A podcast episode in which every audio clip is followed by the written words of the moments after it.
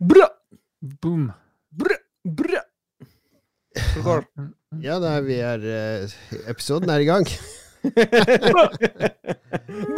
Vi starter episoden med tre minutters stillhet, så Lars får fylt ut sendeskjema. Jeg trenger ikke noe sendeskjema. Det er dit vi Alltid beredt, alltid forberedt. Er du sånn her du forbereder deg på redaksjonsmøtene i eh, avisen din, eh, Lars? Bare snuble inn døra, og så bare Yes, har det skjedd noe i byen i dag? Stories på Ja. bordet nå. Boom! Det er sånn, det er sånn vi gjør det. Og sånn Håkon, lager hva skjer? Hva skjer? Politikere, Lars. boom! Lars skyter fra hofta. Jeg skulle ut å spørre, Lars. eh, Jeg leste Jo. en uh, sak på, i Harstad Mm. om noen sånne enorme trafikkøsituasjoner. Ja. Så så jeg når den var publisert, og da hadde jeg akkurat kjørt den, den, den strekninga. Det, var ingen- det var ingen trafikk, så jeg lurte på Fake om news! Den historien du leste, hadde ordet 'mandag' i tittelen. Og du kjørte oh. sikkert den Ja, okay. på en tirsdag. Så dere rapporterte om trafikksituasjonen 24 timer etter? Alright, veldig lokalt. Ja. Veldig lokalt. Det er ikke min skyld at du ikke kan lese. Shut the fuck up! Pull Ja, da, må jeg, back. da må jeg beklage. Da må jeg legge meg langflat. Jeg trodde, det var, Restart. jeg trodde det var current events. Lange, flate baller. Ja, ja. Nei, det Men når ble det klag på Lars-podkasten? For det gidder jeg rett og slett ikke å være med på. Da kan dere få deres egen podkast. Så kan jeg starte en Kan- litt sånn koselig en. Hvor Ja, kanskje jeg får her, snakke må, om her, vi, hyggelige ting. her må vi ta selvkritikk. Ja, nei da, nei da. Det er ikke det. Du har jo lova å, pu å fikse og publisere episoden og sånn etterpå, så, så jeg skal ikke klage for mye. Ja, det har jeg jo lovt hele tida. Har jeg det? Hva er det for slags drit? Syns du begynte dårlig, skal vi ta en restart. Velkommen til Lolbua episode 422. Bra, bra, bra, bra! Sykt bra stemning. Jon Cato heter jeg. Mats, hva skjer da? Hva skjer da, my main man ombre? Nei, um, ikke så mye annet enn at um, Snø i Harstad har jeg sett på bilder og sånn. Eller Ja. kanskje smelta nå? Ja, nå har det smelta. Nå har det regna som F. Det var, um, det var jo uh, knask- og knepdagen i går. Ja, eh, halloween! kjent halloween, så vi hadde noe Vi hadde masse folk på døra her, og det var så dårlig vær. Det ausa ned. Jeg syns synd på de her eh, små kroppene som måtte traske rundt i ni, nitrist vær. Ingen som tvinger deg. Nei, men jeg, jeg, ja, jeg vil gi litt kred til, de, til ungene, at de faktisk gadd å gå rundt ute i går. Hadde det du hva slags eh, knask kunne du by på? Jeg kunne ikke by på en noe, What? for jeg er lat jævel. Men mudder'n hadde stelt i stand masse Hun hadde lagd sånne små poser, fulgt sånne små poser med individuelle godtebiter. Så alle, alle som kom til Utsikten 34, fikk seg en liten sånn customiza goodiebag. Nice. Så, eh, men der ja. kom vel eh, Lars opp med sine, sine små. Det har ikke vært noe som helst plass. Vi var hos moderen og spiste middag, og så fikk hun eh, masse godt hos moderen. Og så var det så sent, da måtte vi bare få hjem og legge oss. Fikk hun ikke gått kn- knep, knaskknep, knaskeknep? Nei, knask. nei, vi var liksom ikke hjemme. og det- Kledde hun seg ut som noe? men- da? Ja, de har jo hatt halloween seriøst på den skolen hun går på i én uke. Det begynte på SFO i forrige uke, og så var det noe sånn ørten, og de hadde halloween i dag, og de skal ha halloween i morgen. Så det er litt sånn her eh, Har de. Ja, ja. I november? Halloween i november? I hele dag gikk de utkledd uh, som hva enn de ville gå som. What the fuck? ja hva, hva går hun som? Uh, han Olaf i uh, Frozen. Ja, han Snømannen, ja. Ja, ja, ja. Ah. Kan du den sangen ennå? Den der eh, 'Vil du være, være, være med og bygge snømann'? Jeg har sett veldig lite. Jeg har bare sett noe Jeg presser på noen sånne Let it go, let it go Det er jo alle Ja. barn sin favorittlåt. Ja, Er ikke den litt det- Er ikke det gammeldags Ja, nå? Hva er inn? Ja, hvis hun kler seg som Olav fortsatt, så er jo den inn hos henne. Det, det, det som sånn er inn, er jo den siste. Den siste memen på TikTok er jo sikkert det som er inn. Ja. Hvis du, men det må kanskje litt opp i Ja, det må litt opp i alder, fordi hun er, jeg Ja. tror ikke hun er TikTok-jente ennå. Hun er, kommer når hun blir ti. Veldig snart TikTok-jente. Mm, mm. Og så kommer jeg til å tenke på Ja, du er på vår TikTok-ansvarlig, Mats, er du ikke det? Jeg er jeg er TikTok-ansvarlig? var ikke det Mats som fikk det oppdraget, Lars? Ja, det Jeg har, jeg, fakt, jeg faktisk hatt eh, Jeg må innrømme at jeg har Du, hatt du skulle inn, undersøke TikTok og etablere nærvær for, ord, for, for uh, Lolbua på TikTok. Skulle jeg det? Ja? Jeg har glemt av oppdraget mitt. Det, men da er det oppdraget ditt til neste episode. Du skal legge ut jeg- en jeg måtte- eh, du, skal måtte- legge, du skal opprette en Lolbua TikTok og legge ut en ikke- dans! En dans! Jeg kan ikke. Jeg, også, jeg, TikTok er ikke bra for meg, for jeg blir sittende og trykke på den scrolleknappen. Jeg kan sitte Jeg hadde TikTok installert på telefonen min, og så merka jeg bare etter en time Wow, det her er kjempefarlig. Det her må bare avinstalleres. For det er så lett å bare sveipe til neste video. Det er livsfarlig. Så jeg skjønner jo er at her- dårlige unnskyldninger, altså. Ja, stakkars ungene kommer til å bli kokt. Men, men Ja. før vi går bort fra halloween, eh, så var det jo en kjempestor tragedie i Sør-Korea.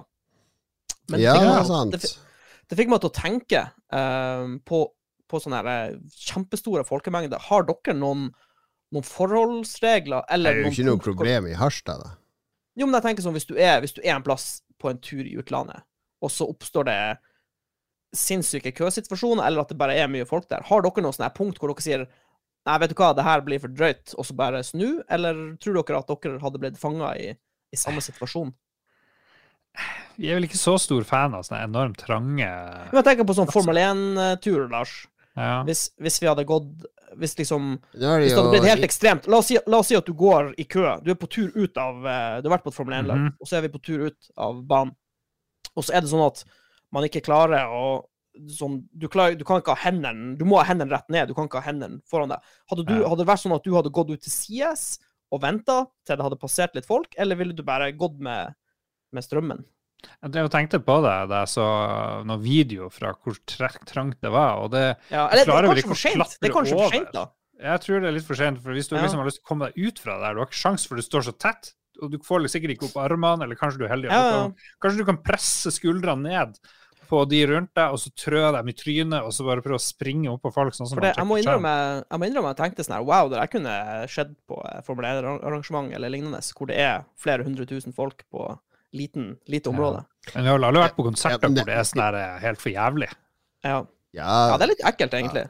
Når man tenker når man tenker på sånne her stampedes, det er nifst, egentlig, hvor fort det kan skje. Hvor fort en situasjon kan snu.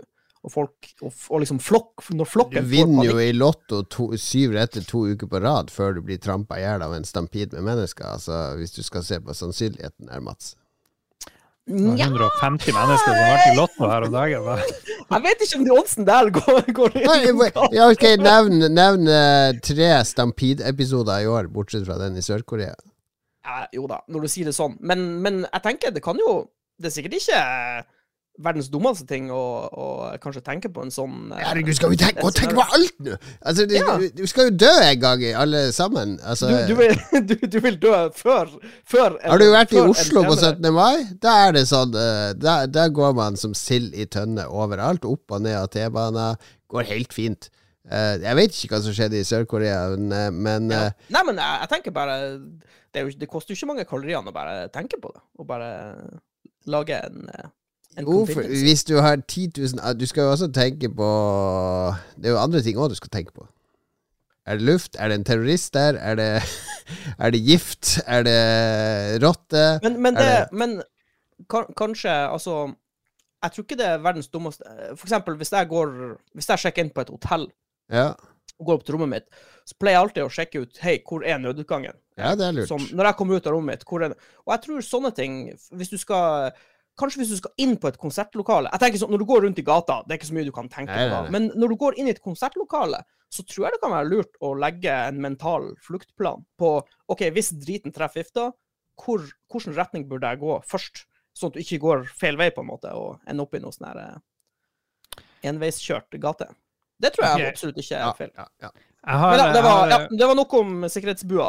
Jeg har, jeg har en ny spalte, og den heter Trampled to Death-spalten. og der skal vi henlede Kan vi først spørre, Hvor lenge siden er det en stor folkemengde ble trampled to death? Jo, det var forrige måned. Det var i Pakistan. 129 mennesker eh, fikk panikk da politiet begynte å skyte. Så det skjer gjerne. Men den mest interessante trampled to death-episoden var jo eh, i en sånn her bagettrelatert eh, incident. Skal vi se Baguette. hvor den ble av.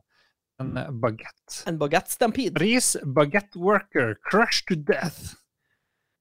Men det var ikke en stampede, men det var bare artig, for det dukka opp. Så eh, tror dere han røykte sigarett? Ingen vet. Ingen vet. Hva du, hva du har tenkt på, Lars, bortsett fra stampedes? Um, jeg har tenkt på hyggelige ting, Ja. sånn som Steven Segal. Jeg har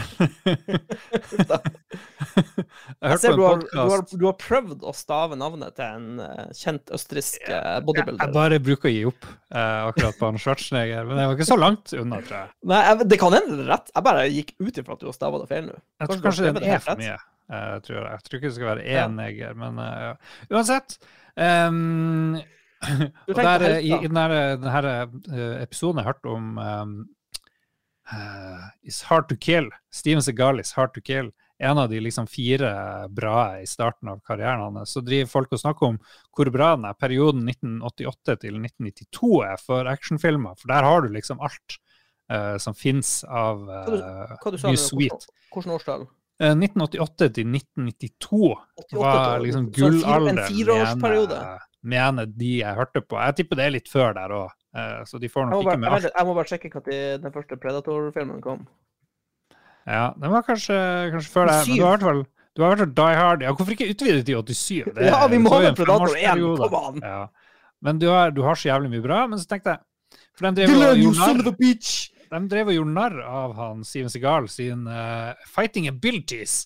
Fordi What? hvis du ser på muskler, så har jo han Steven Segal Han ser ut som en litt sånn eh, helt vanlig person. Han ser ikke ut som Ja. han har noen muskler, Ja, ja, egentlig, når han går rundt i bare overkropp. Så da kom den eh, barnlige undringa. Hvem ville ha vunnet hvis Steven Segal måtte slåss?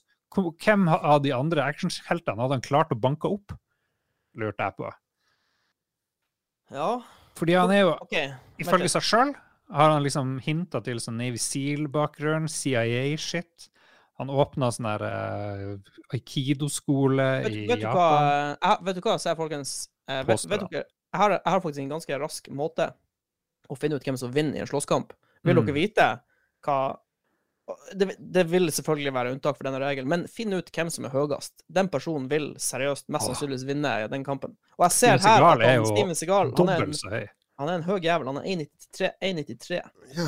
Så jeg tror Seagal i sin prime Han har så mye rekkevidde eh, på de andre guttene at jeg tror han har en god sjanse, faktisk. Du, det du sier, er at du ville tapt hvis vi Lolbua skulle i, i, i The, the Ottacon, Ja, altså, heter, i, en, i, en, I en slåsskamp så er det kjempestor bakdel å være kort og liten. Det, er, det må jeg bare si med en gang. Det er det. Fordi du har eh, La oss si hvis jeg slåss med en person som er 20 cm høyere enn meg. Ja. Den personen kan slå meg i ansiktet uten at jeg kan røre han. Ja, Og i en, i en faktisk slåsskamp så er det en veldig dårlig ting å ha det som utgangspunkt. Men slåsskamp er komplisert, for du kan stupe i en fyr og få det ned på bakken.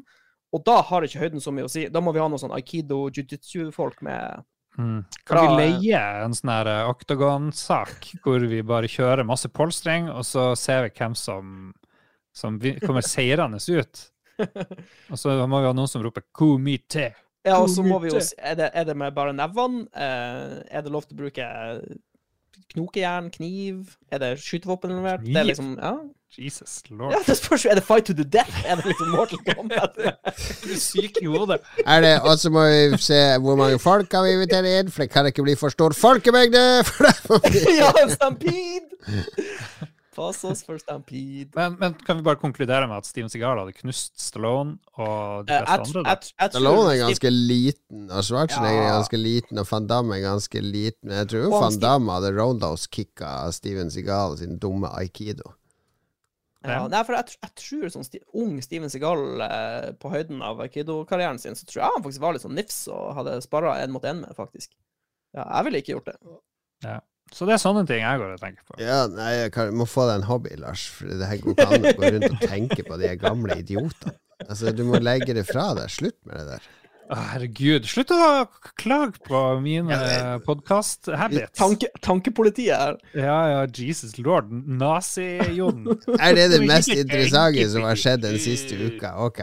ok absolutt. Hva er mer interessant enn Steven Segal? Ja, for eksempel har jeg vært i Berlin, på Stasi-museet, og nede i, Jeg så- eh, så, i eh, jeg så de bunkers. Og jeg har vært og utforska Berlin i, i to dager. Hvor, Eh, hvor hjemme følte du deg når du gikk inn i Stasi-kontoret der? Du, jeg, vet, liksom- jeg har jo en sånn hemmelig drøm. Jeg tror jeg hadde blitt en veldig bra Stasi-offiser, dessverre. Fordi jeg, jeg liker det Du, jeg liker jo å være i kontroll. Jeg må jo være Ja. i kontroll av sendeskjema. Jeg må være dungeon master i alle spill. Jeg kan ikke være spiller. Jeg klarer ikke å gi fra meg kontrollen. Og det, hele det Stasi handla om, var jo å ha kontroll på hele befolkninga. Så dessverre må jeg si at jeg har et sånn gen i meg, så jeg tror jeg hadde jeg blitt en ypperlig Stasi-offiser. Og så hadde jeg forhåpentligvis hatt en moralsk kompass som hadde gjort det litt vanskelig å stå bak bortføringer og, og avhør. Og det var, var jo en helt forferdelig organisasjon. Det var 90 000 som jobba i Stasi på det meste, og, og overvåka innbyggerne, pluss en tonn med informanter. Men det, det som er gøy, er at de har bevart dette bygget, hovedkvarteret. De hadde jo en, en hel bydel som var der Stasi holdt til. Altså selve hovedbygget, der eh, Stasi-sjefen uh, hadde kontor. Det, det har de stort sett bevart, akkurat sånn som det var. Uh, og uh, Klar til å iverksette tilfelle behov, liksom. Nei, altså det, det var jo i 89, så det er jo ganske ferskt at eh, ikke sant, muren ble revet og Stasi ble nedlagt. Og han Erik Mjelke, som da hadde vært eh, Stasi-sjef eh, fra 1953 til 1989, ble avsatt og arrestert osv. Så, videre. så det, var jo bilder inne på det museet. Sånn her så det ut når vi kom inn. Og så har de bare latt møbler stå. De har jo tatt med seg masse permer og, og andre ting tømt safer og alle sånn, men alle møblene står igjen på kontoret hans og hos sekretæren og konferanserom og sånn. Og det er sånn, det er sånn skikkelig brune møbler og tunge gardiner og tepper og ja, det, det er som å gå inn i en sånn Derrick-episode. Uh, så jeg, jeg storkoste meg på Stasi-museet. Jeg har stilt ut masse våpen og, og avlyttingsutstyr, og det er informasjon om informanter. og og hele den enorme strukturen til den organisasjonen altså Det var jo en avdeling som bare hadde som oppdrag å skaffe utenlandsk valuta. Det er akkurat som eh, Nord-Korea holder på med i dag. ikke sant? Det handler om å skaffe seg dollar og euro og, og valuta fra utlandet. Det Eh, var skikkelig sy sysselsetting hvis de hadde 90 000 ansatte. Da. Det er jo ja, det er helt til- sjukt. til sammenligning eh, 90 000 ansatte, det er ca. hele Slumberger på globalt nivå. Det er hele 3M, det er hele Mersk. Det er Ja, ja, så mange ansatte de har. Det er jo helt sjukt, egentlig. Altså, eh, det var vel én av 90 innbyggere i, i eh, Øst-Tyskland jobba jo for Stasi. Har du sett den der eh, 2006-filmen 'De andres liv'? Ja, er den er kjempebra. Den er jo veldig Den er bra. kjempebra. Så, nei, men det, det var veldig gøy å se det utstyret. Og så er det en ting uh, Jeg kan snikstarte en liten snikanbefaling, fordi det var jo der med kona mi siden jeg var 50 år, eh, og Berlin er jo en gigantisk stor by. Og de fleste storbyer er jo veldig store. det ligger jo i ordet storby. Eh, men de fleste storbyer er også ganske flate.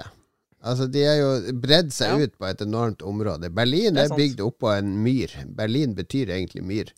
Eh, det lærte okay. jeg når jeg var der, fordi hvis du graver et par meter ned i bakken i Berlin, så kommer, blir det vått. Så, så det, det Hvordan har de fått til det? Hæ?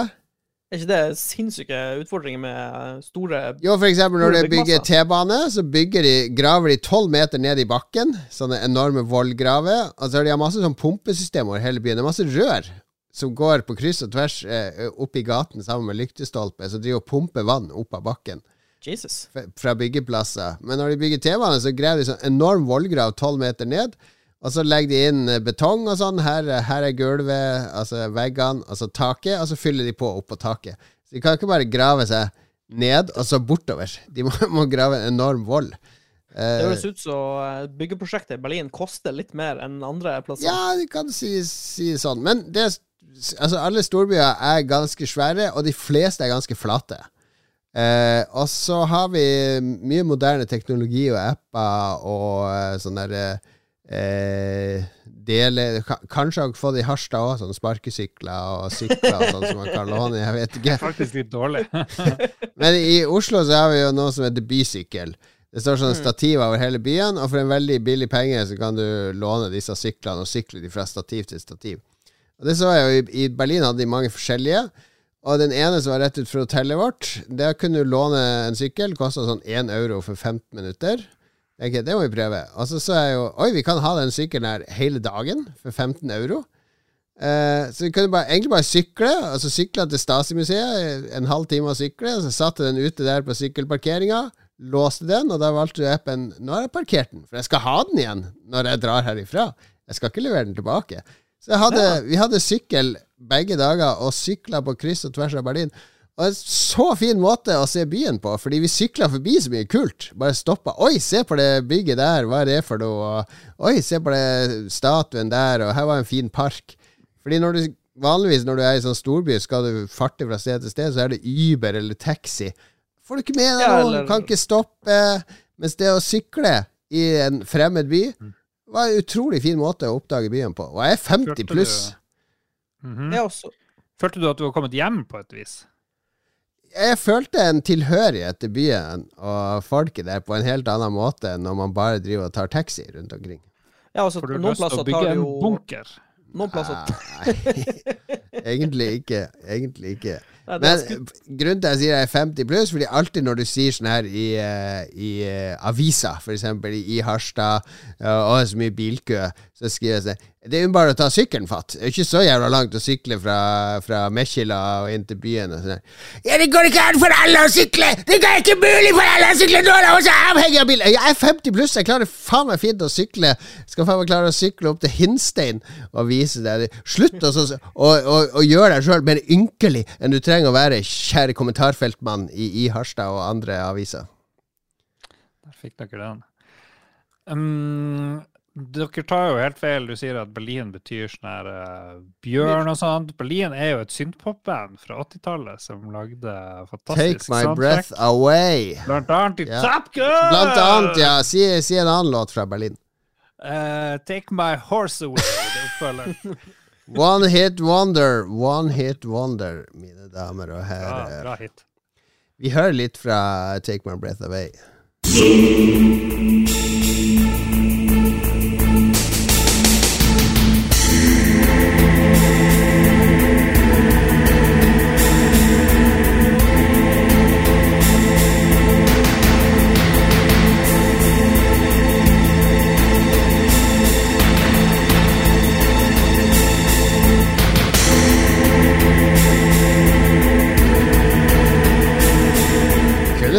Tysk uh, synthpop, det her. Men det er fra Metal Gear Solid eh, Rex sin eh, leir, der den store roboten står. Robotrex. Å nei, du sa vi må aldri En ting vi aldri må gjøre når vi har quiz med Magnus, det er å ha Metal Gear-spørsmål. Da blir det Jeg er ikke en robot, det er en mek... En mek-a, for å være helt presis. Det er ingen som er så pedantisk som Metal Gear-fans. Rob Robotrex. Så du han uh, Han Derek er jo død, men han eh, Harry Klein er vel i live, kanskje? Harry? Klein Jeg har bilde av moderen og Harry Klein. Om jeg så han? forbi han sånn Fritz Wepper, tenker du på? Ja, ja, ja. Faderen var i 100. Det var jo liv, Livet til gamlingene var jo å se Derek en stund. Så når Ja. de fikk øye på han Harry Klein, da for moderen sånn subtilt og stilte seg foran han, så faderen kunne ta bilde.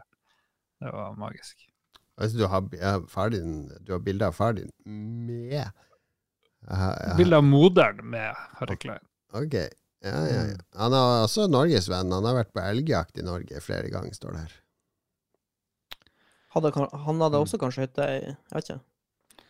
Kanskje. Kanskje kanskje. han hadde hytte i Baneheia. Men nå prøver Lars bare å prate seg bort fra at han ikke har skrevet noe på Hva har vi spilt-spalten. Uh, Harry Klein-distraksjon her, Lars.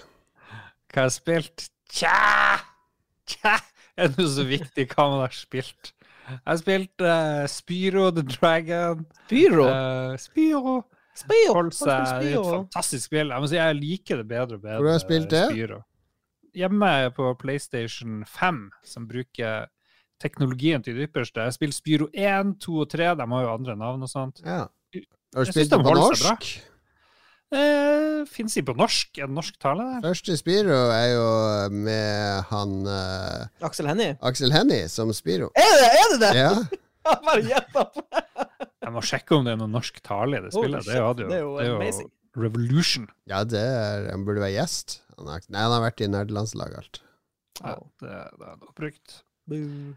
Han er oppbrukt. Jeg Nei, jeg har ikke spilt noe, noe fornuftig. Spilt litt mer tull. Jeg spilte noe ganske Det er, så ferskt at det ikke har kommet ut engang. Ja, jeg vet, jeg vet, for jeg har jeg snust på det, Mats. Altså, jeg, Ja. det, det var vel en sånn åpen, eller sånn alfa i helga, Ja, og da var jo jeg i sånn- Berlin, sånn så det, det gikk jeg glipp av. Ja, de hadde playtest. så de. Playtest. Playtest. Så det var bare i helga. Eller de utvida det faktisk med én dag, så jeg tror faktisk du kan spille det til og med midnatt i dag. Ja, ja. Utvida det med 24 timer.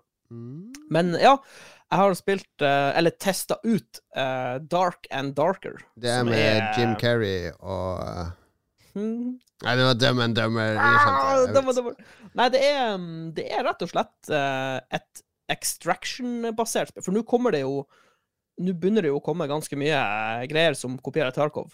Og de har fått tittelen, eller sjangeren, extraction shooters. Ja, det, det man legger i dette, er vel at man spåner på et brett, og så skal man overleve og komme seg ut i livet. Og da får man kanskje beholde det man har funnet på brettet. Stemmer det. Ja. Det er en slags variasjon av Battle Royale, fordi det som er så fint med extraction-sjangeren, er at eh, på Battle Royale så er det bare ett lag eller én person som kan vinne, men her så kan flere på en måte komme seg helskinna ut. Og så Ja. er det den der eh, adrenalinet med at du kommer deg unna med litt greier, med noe stæsj, så du har luta og fått med deg Ja. ut. Så du, du, du Risk reward også underveis, ikke sant. Skal vi bruke litt ekstra tid på å å lete her? Vi vet at det kommer folk, eh, bla, bla, bla. begynner å bli lav på helse. Mm. Nei, altså, kort fortalt så er det Det er en dungeon crawler. Eh, ligner eh, vel Altså, de har henta mye inspirasjon fra Dungeons and Dragons eh, sitt klassesystem. Fordi du har de klassiske, de klassiske klassene. Eh, Du har fighter, cleric, rogue, barbarian, ranger, wizard Jeg tror det. Nei, dette er klassene. Og eh, det er begrensninger på våpen og rustning. Eh, Klerken kan trylle healespells, uh, wizarden kan kaste fireballs osv. Rangerne og fighterne og rogene kan ikke trylle så mye. Og så har de litt sånne eh, små abilities. Eh, og eh, det er ganske tidlig i utviklinga. Det er litt tydelig. Det er ikke så, eh, det er ikke så mye kjøtt på spillet ennå, fordi du har et ganske, enk, det er et ganske enkelt kart. Det er ikke så mye randomisering i kartet. Eh, det er ikke så mange fiender, det er ikke så mange våpen, men konseptet er dritbra. Ja, for Eh, du er spåner sammen med andre parties av spillere. Eller, du, bu- det begynner, alt begynner i, i taverna. Du Ja. sitter rundt et bord. Så enten sitter du alene, eller så inviterer du kompisene dine. Og så velger man Det er så akkurat sånn som i Tarkov. Du velger hvilket utstyr du tar med deg inn i, i, i uh, dungeon. Ja, Men når du er helt fersk, så har du Alle har sånn standardutstyr som er sånn her helt OK utstyr. Ikke noe sånn Ja. superdårlig. Uh, men um, første missionet, da, så, så spawner du bare inn med standardutstyret. Og så spawner du inn en tilfeldig plass, og så må du bare prøve å komme deg ut. Og måten du kommer deg ut på, er at det er, det er Battle Royale-elementer med at du har en, en sirkel som kommer Eller en sånn gassky som Ja, kommer eh, æsende innover. Så du blir tvungen til sentrum av kartet. Og så på sånn, en gitt terskel så spåner det inn portaler.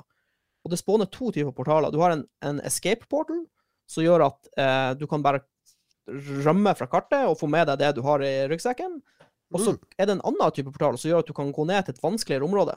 Eh, og det er jo Ja, det, det er sånn risk reward. Vil du, vil du bare hoppe ut, eller vil du gå ned og slåss med enda tøffere monster og potensielt spillere? Ja, og så er det jo selvfølgelig eh, Jeg tror det er 16 spillere. Eh, og det er maks tre på laget. Og det er, så, det er ikke så stort kart, så du kommer til å møte andre spillere på et tidspunkt. Og da er det valgfritt om du vil slåss med dem, eller om du vil prøve å gå en annen vei, eller kanskje prøve å, å nå en slags våpenhvile. Det, det jeg har funnet ut, er at hvis du er en solospiller, og du møter en annen solospiller, Ja. så, så tar jeg og croucher mye, og liksom prøver å riste litt på hodet og sånn, for å vise at jeg ikke har lyst til å slåss. Men det varierer om noen vil slåss eller ikke. Men ja, veldig morsomt eh, spill, og morsomt konsept. Så, og det blir veldig spennende, fordi det er jo monstre som driver og fyker rundt i grotta, og Du må slåss mot monstrene, det har du ikke noe valg på. Men det kan jo bli ganske hektisk hvis du er opptatt med å slåss med tre skjeletter, og så kommer det, kommer det plutselig tre gubber gående bak deg. Så blir det jo, ja, mildt sagt interessant. Det ser ut som litt sånn slowdown uh, Skyrim. Ja, det er ikke så høyt Akkurat nå er det ikke så høyt eh, tempo i, i, kampen. Uh, men det er, det er, spillet er såpass langt unna at jeg tror sånne ting kommer til å bli litt eh, justert. Uh, det, jeg tror de sikter på eh, release på, til slutten av 2023 eller noe sånt. Så det, det Bare ta den tida de trenger, for det er, de er, de er, det et eller annet gull i konseptet her med Dungeons and Dragons, møte. Tarkov og dungeon crawling og Eller den feelingen fra, fra gamle sånne RPG-spill. Og, nei, jeg, jeg eh, liker konseptet veldig godt. Og så hvis de introduserer et slags eh, Quest-system eller noe sånt, hvor du, mm. hvor du får en oppgave, og så skal du inn i grotta, og så må du liksom forholde deg til alle de her elementene. Åh, fy fader. Det kan, det, det kan bli noe så bra. annet quest enn shoot five scavs in the legs, eller noe Yes. sånn Ja, helst. som det er Please. Please. men, men konseptet er superinteressant. Jeg, jeg syns det er veldig ferskt, eh, ferskt eh, take på et en sånn miks av masse forskjellig. Herlig. Herlig å Ja. høre. Jeg, jeg har to jeg kan Jeg får ta frem to, da, siden det står så blankt på, eh, på Hihu Shell. Vi, vi, han, han blir så sur nå. sier det, så jeg skal ikke si noe navn. Jeg kan, Eh, jeg kan jo kommentere, masse, Det var jo veldig gøy å se gameplay der. Men Ja. at det går sakte, er jo kanskje bra, for hvis det går veldig fort, så står jo alle bare og spammer slå-knappen. Men hvis det går sakte, så må det være Ja, veldig taktisk. ja. Det, det, er, det er veldig taktisk. Og det som er litt kult, er at um, posisjonering er superviktig. Eh, bare med når du slåss med fiender, så er det liksom Det er en person som har aggro, så kan du liksom Du kan, du kan utnytte rommene i ekstremt stor grad. Fordi Mm. uh, hvis du slåss mot en ranger, og så kan det være noen sånne, sånne støttepilarer du kan bruke som dekning, og det, det, ja, det er rett og slett eh, Det er mye kult du må, det mye du må tenke på. artig. Nei, jeg kan ta først min, fordi vi snakka om det forrige uke. Da var jo Call of Duty var jo De slipper jo kampanjen først.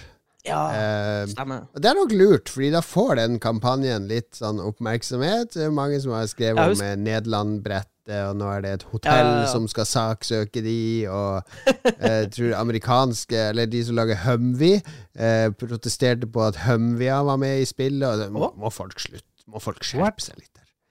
Hva er galt med Humvee? Nei, de vil ikke Det eh, sikkert, vi- lis- det er sikkert en de skal ha penger, ikke sant? De skal ha penger. Og så er det en multibillion dollar license! Give me the money, bitches! Akkurat som Elon Musk sitter her. Jeg skal ha 20 dollar for at du skal ha en sånn flagg! 20 dollar måned for å få en flagg på Herregud, for en fadese. Er Twitter-kjøpet til Elon Musk. Er han komplett idiot, eller? Ja, han utpeker seg jo som en stor moron, da. Han, han. Elon Musk må slutte å skrive ting Og Stephen. King skriver på Twitter What the fuck? Vil jeg at jeg skal betale 20 dollar måneden? Det er jo faen meg de som burde betale meg for å gi det innhold. Og Elon Musk bare «Nei, Det er ikke gratis å drive Twitter! Altså, annonser alene er ikke Jesus lord! For en, for det- en mann! det- det som, det, som, det som gjorde det der ekstra patetisk, var at ikke bare kom han eh, veldig sånn patetisk ut av det, men han spurte sånn Hva med, hva med åtte dollar? Er du villig til å betale det?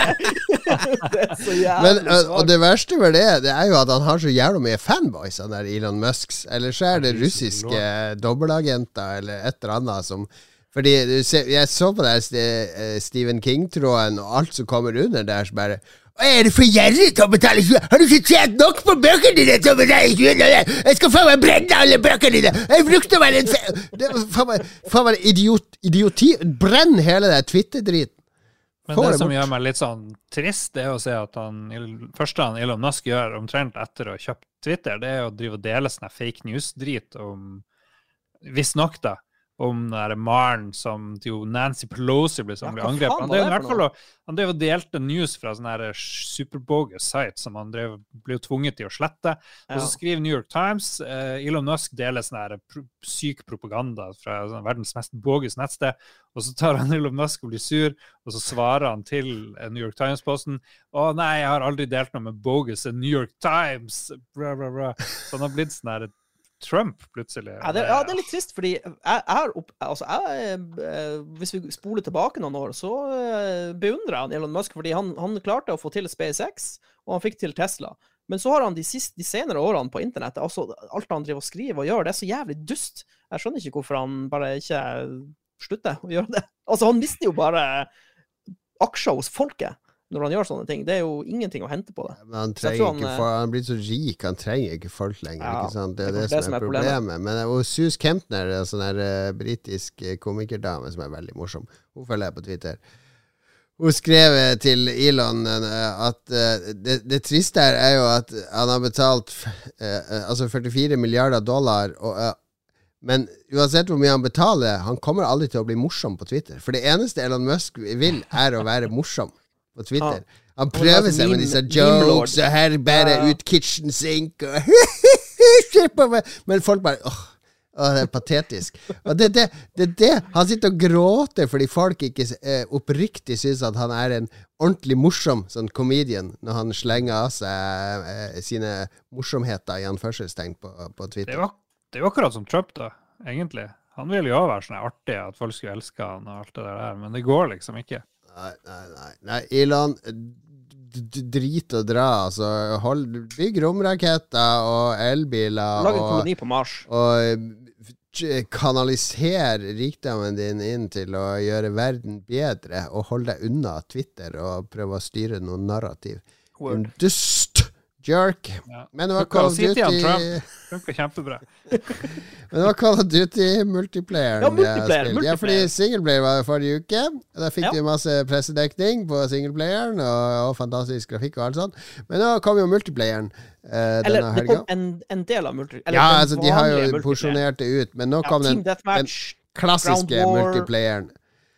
Ja. Eh, Kill confirmed, alle disse modusene der du er på eh, litt mindre kart. Det er noen halvstore kart òg, men du er på eh, litt sånn avgrensa kart. Gjerne to lag, og så slåss mot hverandre. Og, det er jo masse progresjon her. ikke sant? Du leveler opp våpen og får attachments, og du får nye perks og alt sånt. smule forvirrende progresjonssystem, syns jeg. Ja. Med at å, du skal ha lyddemper til det våpenet. Da må du spille med det våpenet! det var litt sånn Ja, det er litt bra. kaos. Men nå er det jo bare å spille med alt mulig og, og leke seg. Og det er jo, eh, er jo ganske morsomt. Det flyter ganske bra. Eh, mye bra kart. Noen ganger så gjør det dritbra. Det er på toppen av kill-lista. Andre gangen så Føler eh, man seg som verdens dårligste føler meg som verdens dårligste. ja, det, det fordi, er Duty. fordi jeg blir eh, Mm. tatt bakfra hele tida. Ikke seksuelt, men kartene er, spesielt de små kartene, er jo laga sånn at det er ingen trygge steder å stå og gjemme seg. ikke sant? Det, står du ved ett hjørne, så er det to, to veier inn til deg bakfra, så at folk kan skyte deg i ryggen. Sa brura. Så jeg men jeg, jeg, jeg koser meg. Det er, det er bra laga. Det er smooth. Det er Ja, gøy. det, det um, er også, er også dyppa tærne litt i uh, multiplayeren, uh, og uh, jeg sitter igjen med samme inntrykk, i hvert fall med, med tanke på performance. Jeg syns det flyter sinnssykt bra, og det, det lover bra for um, Warzone. Ja, um, For det, det er jo det jeg lader opp til nå, er jo Ja, Warzone DMZ. og DMZ. Låser opp eh, perks og blueprints og, og attachment og sånn, for jeg tror det carry over til, eh, til de modusene. Det gjør det nok. Ja, og da, da er jeg klar. Så jeg koser meg med litt Call of Duty. Første jeg gjør hver gang jeg nytt spill, mute alle i lobbyen. For det, er jo, det er jo crossplay, så det ser, altså, kommer du inn og sitter «Mm, Jeg spiller PlayStation! Sitter og hyler mest mulig. Jeg joina, sånn Ground Forces-match, hvor det er sånn her 32 mot 32, eller noe sånt. Ja. Og så er det åpne mic på halvparten av folka. Ja, ja, ja. Hvem sin idé var det å ha default on på det, liksom? Det er jo Ja, helt ja, det er det. altså. I'm not coming to dinner, mom! I'm in the middle of a game! I'm in the middle of a game! Yeah, shut up, Det første, det første jeg hørte, var at det var åpenbart en konsollspiller, Ja. open mic, og bare et barn som hyler i bakgrunnen. Skikkelig sånn her 95 desibel-hyling, liksom. Det er helt magisk. Ok, Dere lokker litt her, men er det verdt 840 kroner, eller hva det er som man må betale nei, på nei, nei, nei. konsoll nå?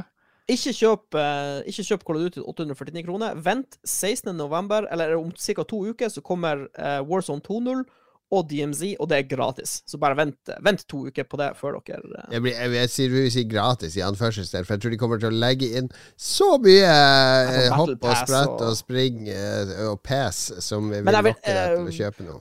OK, korreksjon. Hvis du har tenkt å spille gjennom singleplayeren, kose deg med den, og så spille litt multiplayer, så kan vi forsvare den eh, prislappen.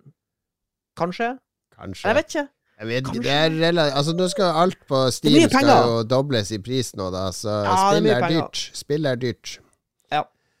Men, eh, men altså, hvis du ikke har behov for å spille det nå, så er det sikkert eh, 60% rabatt til jul, og så er det 50% rabatt eh, Altså, Men, men jeg er overbevist om at Warzone 2 og DMC kommer til å være det som er bra. Altså, det kommer til å være the hotness. Og, da, og det kommer i praksis til å være gratis. ja, vi håper, jeg, jeg jeg på håper det. Men når, når jeg var mest inne i Warzone, så måtte jeg jo kjøpe Call of Duty òg, for jeg måtte spille single player der for å få attachments til de våpnene. For det går for tregt å grinde. Ja, kunne, de du våpnene kunne, opp i du Warzone. kunne spille den der, eh, Du kunne spille Plunder som alternativ ja, for å få attachments. Så det, det fins måter å gjøre det på. ja da. Fordi singleplayerkampanjen er ikke så bra at uh, du gidder å betale Eh, 900 000 kroner. Nei, altså Singleplayer-kampanjen er på ingen måte verdt 849 kroner. Det er altfor mye penger for Mm. de ti timene, eller hva det er. Enig med du. Enig med du. Jeg tar, jeg tar med en bonus her, eh, så det blir tre ting vi har snakka om. Fordi ja, jeg har jo um, drevet og eh, Jeg har jo Steamdekken liggende her. Og så har jeg uh, installert det er, Den er jo en sånn ultimat retromaskin. Ok. Uh, fordi det går an å Matafox strippoker. det, det kan du spille på den hvis du vil. Eh, fordi det finnes Det er noe som heter EmuDekk, som er sånn der skript som egentlig installerer og vedlikeholder alt av emulatorer for. Det Dritenkelt å installere. Uh, installerte det, og så er det sånn Ok, du må ha Biosen til Dreamcast og PlayStation og et par andre ting, så jeg for og fant det. Og så fant jeg noe eh, roms, for det ligger jo på archive.org. Så ligger det jo roms til alt som finnes av gamle spill. Lasta det det, la det inn i riktig mappe på Steamdekken. Og så det, det, det, er plug and play. Altså, alt er konfigurert til Steam-dekken av kontrollsystemer og sånne ting. Jeg drev og spilte Nintendo 64-spill, Dreamcast-spill, eh, eh, Gameboy Advance-spill, Super Nintendo-spill, Arkadespill, PC Litt Engine Gameboy Advance-spill på archive.org. Ja, ja, ja.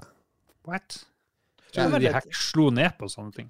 Nei, det er for uh, archival purposes eller noe sånt. Det, det ligger Det er ganske jeg- lett å finne. Kan- jeg eh, som dødelig nordmann bestille meg Steamdeck nå, eller er noe, noe, noe må Du må ha en adresse i utlandet. Ja, OK. Og så må du lage en Steam-bruker. som liksom ko- kommer det, kommer det Norge, til Norge, eller, eller har de glemt av oss igjen? Jan Fredrik kan fikse det for deg. Ja, vi har vår eh, Ja, ikke sant? Det var smart. Nei, for jeg må innrømme akkurat det du sier nå, Jon Cato, det, det frister jeg ganske mye med. Ja, det var litt artig, men det, det blir jo ofte sånn at uh, man bruker mer tid på å finne spillene og legge de inn, enn man Jo, faktisk jo, men det er jo en sånn eh, reise. spiller Det er jo de. sånn- Men jeg, jeg, litt, uh, jeg, jeg ble så glad for at det, det var så smooth å få det til. Å spille R-Type på PC Engine og, og spille Raiden, Arkadeversjon og sånne gamle skytespill, er så digg. Og så ligger de i samme grensesnitt som Steamdekken ellers, så, så du har en egen sånn der eh, ja, de På Recently Played Game så står de på lik linje med Elden Ring og andre ting. Så Artig. ja, det er superbra konfigurert. Så det det, ja, det er jo ikke noe jeg kan anbefale, for det er jo ikke mulig å kjøpe den i Norge ennå, fordi han Gabe vil ikke selge til Norge. Men eh, når Steamdeck blir tilgjengelig for Norge, og hvis du vil ha en sånn retrodekk som du ikke trenger å fikle og knø masse med Bitte litt fikling var det, fordi jeg må, må jo laste over spill på en harddisk, og så koble den, eller en USB-minnepinne, og så koble den til USB-en på Steamdekken, og så legge de over i mappa der, da. Det er det eneste fiklinga. Bitte litt var det, men Funker, Atari Lynx-spill? Ja, ja, ja. Links. Oh, ligger, alt av Link-spill ligger på archive.org. Ring Steinar Albrigtsen. Da blir en glad, vet du. Nei, men det, det fikk enda en dimensjon. Uh, og jeg er på siste bossen på Death Store. Jeg drev og koste meg masse med det i Berlin på Steamdekken, så jeg er superfornøyd med Steamdekken fortsatt.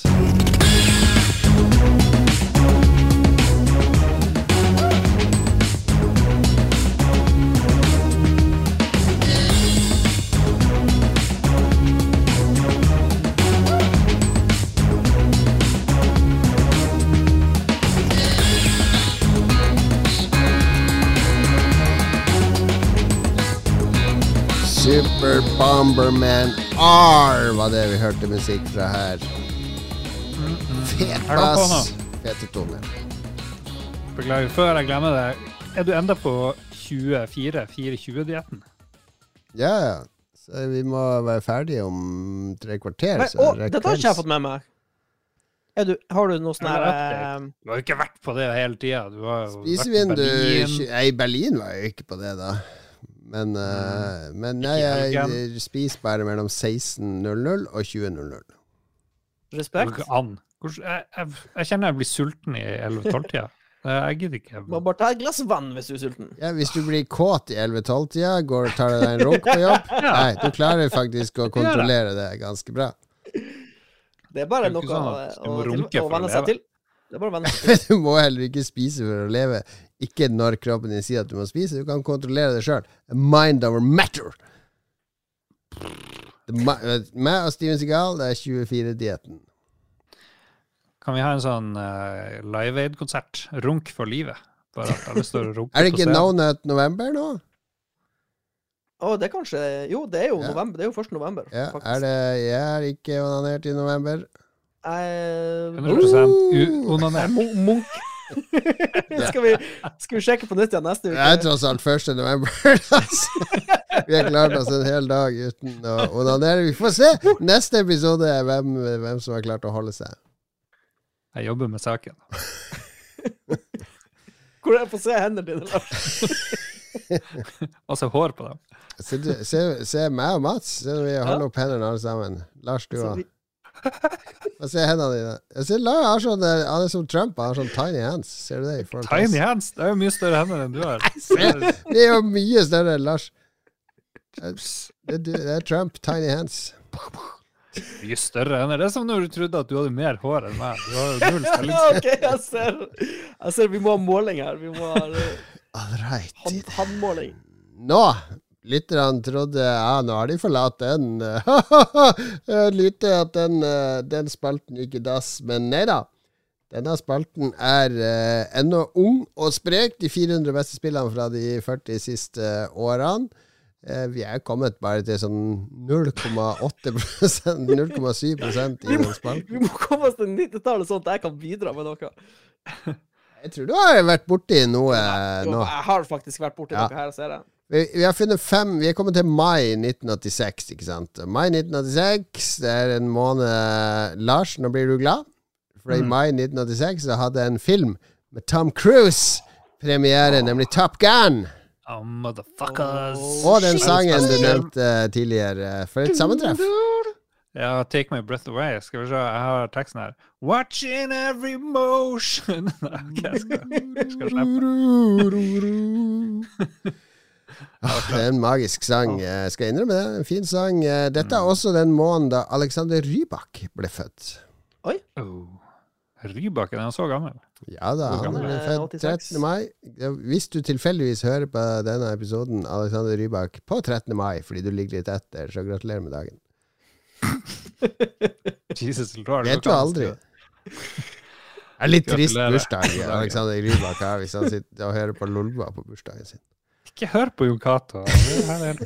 Jeg syns det er kjempekoselig at han sitter og hører på oss på bursdagen sin. Ja. Og så var det jo Eurovision, eller Melodi Grand Prix, som vi kalte det. Da hadde vi jo sendt av gårde Ketil Stokkan dette året med hiten Romeo. Romeo, gudene skal vite at du alltid er en Romeo. Den vant ikke, for i finalen eh, Eurovision dette året var jo i Bergen, med Åse Kleveland som Bergen. programleder. Mm. Hva er Ja, det var stort. Bobby Socks hadde vunnet året før, ikke sant? La det svinge. Ah. Og husker dere hvem som vant i 86? Ketil Stokkan vant ikke. Jeg tror det ble tolvteplass. Bonnie Tyler vant med Nei, hun har ikke vært med. Jeg vet ikke! vant i 86? Det er ingen som vet. Sandra Gim! Den belgiske 13-årige jenta som jeg var stupforelska i. What? Jesus. 13 år. Bare google Sandra Det er litt eh, brutalt å sende en 13-åring i Eurovision. Ja, jeg var jo bare 14 år, så jeg var jo helt innafor. Jo, jo, men tenker sånn stakkars jenta, det er jo skummelt. Ja, hun var vel den yngste eh, deltaker som hadde vært det året. Jesus. Og så måtte Willoch-regjeringa gå av. Var det sorg i hjemmet til Lars? Eh, I Bærumshjemmet til Lars. Høyre var aldri det samme etter uh, Willoch, vet dere. Han Ja, Kåre. Syse var OK. Og Stålkåre, som vi kalte han her oppe i Stålkåre. ja, det husker jeg nå når du sier det. Stålkål, Stålkål. Stålkåre og Jern-Erna. Ja. ja, det er noe der. Ja, Nå driver folk og savner Erna og sånt, men kan ikke hun få seg en klipp først, eller noe? For hun ser jo ikke ut eh, En hårklipp. Var det galt Ja. med håret hennes? Hun må få noe sånn mohawk, eller modernisere seg. Hun ser jo ut som en sånn person fra, fra noe sånn der eh, flerkoneri sånn borte Karen- i Karen, Utah. Karen-sveis. Ja. Jeg har lyst til å fikse stilen hennes. Kom til meg, Erna. Jeg skal fikse stilen. Du vet, vi har snakka før. Jeg intervjua henne om eh, Lolbua. Gjorde jeg ikke det? Jeg syns vi hadde med et klipp. Hun kom med sånn shout-out til Lolbua en eller annen gang. Gjør du det? Ja, ja, ja, ja. Ordna det. Husker ikke katt. Men grunnen til at vi er i mai 1986, det er ikke bare for å mimre nyhetsbildet. Det er jo selvfølgelig også for å kåre det beste spillet som kom denne måneden. Og jeg har henta frem eh, fem eh, fenomenale spillhøydepunkt fra denne måneden, og vi skal begynne i Arkadehallen. For denne måneden eh, så dukka det opp i de japanske arkadehallene et spill som heter Det har du glemt. Renegade? Nei, det kom en sånn pling med på opptaket nå, fordi Mats sendte en melding her i chatten der alt blir tatt opp, i stedet for på Discord, som jeg har muta. Er Eh. Beklager det, kjære lytter. Beklager. Det kom, eh, det kom et spill som heter Renegade, eh, utgitt av Taito. Som, eh, eh, vi kjenner jo Double Dragon. Altså Det var et sånn eh, sideskrollende spill der du styrer en eh, muskuløs, hardtslående dude som blir overfalt hele tida av masse voldelige gjenger og punks og hunder, var det vel òg. Så du må banke opp. eh, for å redde Så, så regel skulle man redde kjæresten sin i, i disse spillene. Mm. Og Renegade Grunnen til at jeg løfter det fram, er at det skiller seg litt fra de andre her, fordi det var ganske brutalt. Det har en estetikk som minner veldig om uh, Michael Jackson sin Bad-video, eller Beat It. Det, det er litt sånn fargerike gjenger med pannebånd og Er det er- sånn uh, Warriors? Ja, litt sånn Warriors. Og så er det laga ja. det er inspirert av Warriors, hvis jeg husker rett. Ja, det er laga av en som heter Yoshihisha Kishimoto. En, en japansk designer som ikke er uh, den mest kjente japanske spilldesigneren. Men det, det liker jeg at han Ifølge han så er eh, Altså, den japanske versjonen av spillet handler om en high school-kid som blir overfalt av disse gjengene og banker seg Banker de opp og overlever, liksom. Mens den amerikanske så har de vridd det til at du skal redde kjæresten din, og du er en street brawler. Du er ikke en high school kid og sånn. Men eh, han, japaneren, han eh, Yoshihisa, han lagde det sånn fordi ja, det er jo basert på min oppvekst. Det handler jo om meg, da. Det var sånn her hverdagen min var på vei til skolen. Det var, det var sånn daily fights. Jesus. så, så hovedpersonen er liksom eh, Altså, det, det er selvbiografisk, påstår han japaneren. brutal da. hverdag til han Ja, stakkars fyren. og så var han veldig inspirert av, eh, av eh, Enter the Dragon og eh, The Warriors. Men han, ifølge han, dette er hans selvbiografi da, i spillform. Og det syns jeg er litt artig. Det Et såpass brutalt spill. Kunne være toplayer i Renegade 1, liksom? På den og klart å se jeg det i ikke eh, helt det. Husker ikke helt det. The Double Dragon kom vel som en oppfølgeraktig sak, tipper jeg, etter det her, hvis jeg husker rett. Eller det kom etter det her spillet, i hvert fall. Sikkert ikke en oppfølger. Nei. Men det var jo classic. Det har jo alle spilt. Target Renegade. spilt. Target Renegade. Mm. Mm. Men eh, et artig, artig spill i denne brawler-sjangeren, som har hatt litt revival i det siste, med Streets of Rage, har jo fått en ny versjon og, og, og litt sånn. Så jeg liker det. Og jeg liker at Ja. det er en personlig historie bak der. Det kom jo et sånn Turtles-spill også nylig, Ja, det er sant, som ligner veldig. det er sant. Ja, vi kan ta litt Back, musikk. baby. Litt musikk fra Renegade her.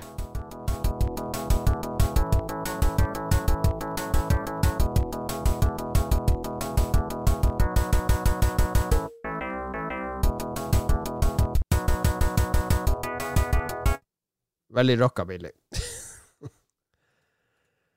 Det neste spillet har verken musikk eller grafikk. Eh, vi skal til Infocom, teksteventyrmesterne, som kom med kanskje et av eh, de mest episke mesterverkene de hadde.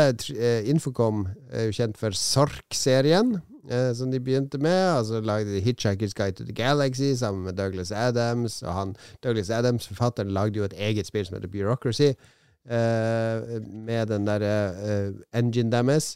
Men Trinity eh, er jo da eh, han Brian eh, Moriarty som kan, Han og han Steve Zemeckis var de to flinkeste designerne i eh, Eller forfatterne, hvis vi skal kalle det det, i Infocom. Og Trinity handler om atombomber og, og atomalderen og krig. Eh, og navnet spiller jo på Trinity-testen, som var den første uh, atomeksplosjonen uh, som fant sted. Eh, og og det, det er et veldig sånn poetisk spill. Du reiser liksom i tid og sted mellom forskjellige steder som har relevans til eh, atom, eller atomkraft, eller atomkrig. Eh, det er masse symbolikk.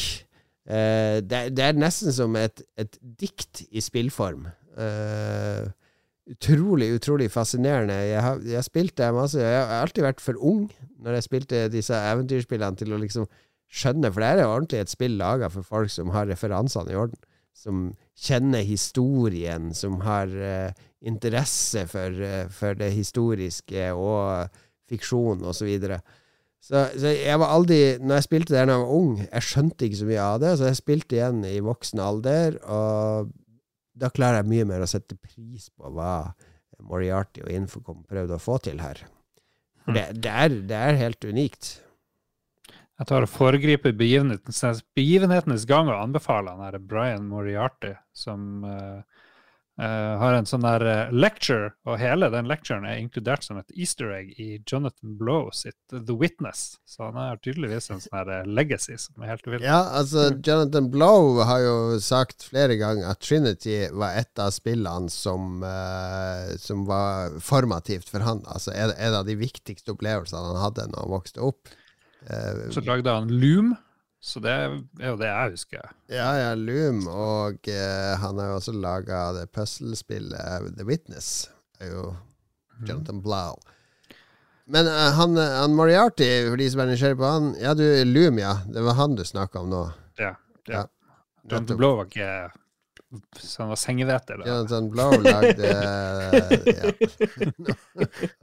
Ja, Nei, Loom var vel det siste han blir ordentlig huska for. Han var litt med på The Dig òg, men han har, har ikke laga noe etter det. Han er jo professor. Professor, da.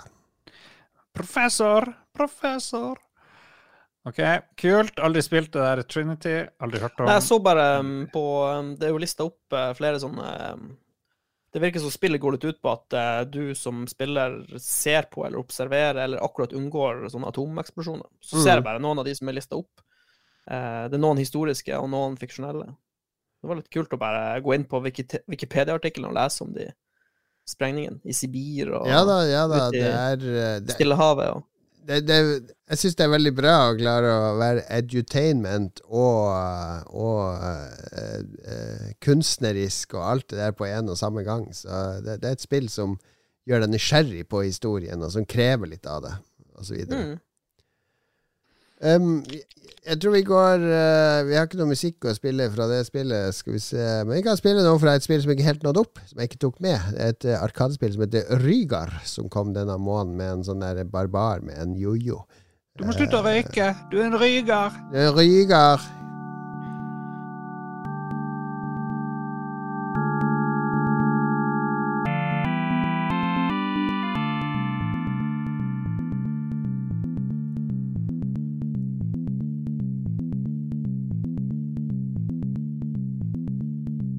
Ok, det var ikke så spennende, disse arkadelydene fra 86. Da må jeg si at SID-chipen leverer mye bedre.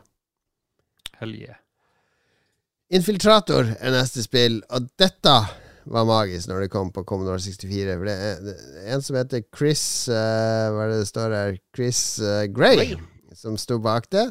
Uh, og jeg og min venn Lamo Dette spillet vi spilte i en måned, fordi det var det mest omfattende episke spillet vi hadde sett på Commodore 64. Fordi det, det er delt i tre ulike, helt ulike spill. Første er Altså, du er en sånn der eh, typisk amerikansk helt som skal fly til en sånn fiendebase, infiltrere den og redde noen gisler der. Så første del går ut på å fly helikopteret, rett og slett. Eller jagerflyet dit. Det er liksom flysimulator. Andre del så går du rundt og sniker deg rundt i den leiren. Og, tre, og tredje del er egentlig at du kan, du kan, gå inn i alle husene i den leiren og finne nøkler og låse opp ting og lokalisere de gislene. Og så skal du fly det tilbake. Og ja. det, det, det, spillet her det kom, det var det mest realistiske. Det var, mest, det var, så kult at det var sånne helt forskjellige deler at jeg, jeg, ble helt satt ut av hvor bra det egentlig var. Det var langt forut for mm. sin tid. Den har den der uh, telle ned Nei, har den sånn nedtellingsfunksjon. Det er en sånn klokke den teller ned. Det, sånne, sånne, spill, det, det, Jeg klarer ikke sånn nedtelling. Men ok. Ser veldig avansert ut. Herregud, hvor avansert det ser ut. Ja, det var jo det som var litt gøy, at det, det føltes veldig avansert. Liksom den, den, du kan fare og fly rundt i et sånn eh, rått skip. Ja, det var, det var, liksom inspirert av Airwolf-helikopteret, det skipet. Ah, det er et helikopter? Ja. ja, ikke sant. Så ser jeg det er noe sånn uh, Fins ikke noe mer stealth enn et helikopter. Det er ingen som hører når det kommer. Spør han bin Laden om det, Lars. He did. He did. Nei, men Det var et fet spill. Altså En fet logo. En klassisk sånn 80-tallslogo, hvis dere ser på eska, fordi det har en litt sånn futuristisk font med, som er delt eh, i, som, som, liksom er et vindu til en horisont, der det er liksom bakken er nedre halvdel, altså som blå himmel er øvre halvdel. Det var en klassisk 80-talls uh, font-look.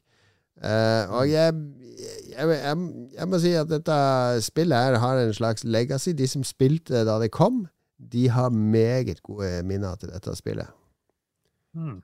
Rett Jeg må innrømme at det ligner Det minner meg litt om um, Ingen relasjon, selvfølgelig, men et spill på Amiga som het Hunter, hvor du får og ja. boka rundt i sånn 3D. Liksom, jeg fikk bitte litt sånn Hunter-vibber eh, bare ja. av å se på. Hunter i sommer, eller hva vi gjorde. Ja. ja. For meg så husker jeg det med Mission Impossible som jeg, som jeg sammenligna ja, litt med. Fordi det var litt av det samme omfattende være fanga eller infiltrere denne basen til denne onde scientisten. Musikken var dessverre ikke noe å skryte av, men vi kan ta musikk fra et annet spill som kom på Commodore 64 denne måneden, men den kom jo på Arkade lenge før, så derfor er det ikke nominert. Men uh, fantastisk soundtrack. Uh, vi snakker om Green Beret.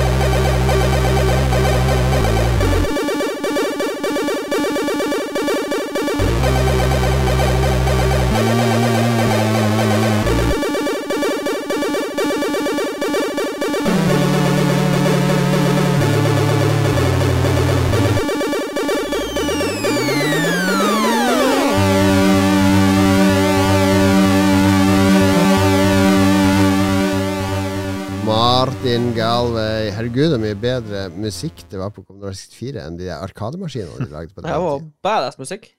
Badass de luxe. Uh, vi har et Commodore 64-spill til. Uh, det står i, på Wikipedia at det kom i 87, men det er feil. Det kom nok på, på Amiga i 87 eller i USA eller noe sånt, fordi Zepp64 anmeldte dette i 86 allerede. Og det heter Kickstart 2 og kan kanskje kalles en litt sånn forløper til Trials-spillene, eh, ja. som mange kjenner fra moderne tid.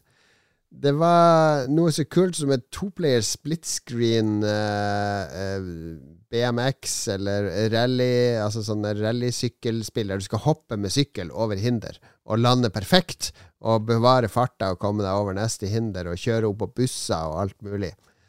Uh, som er uh, basert på en, en BBC-serie som heter Kickstart.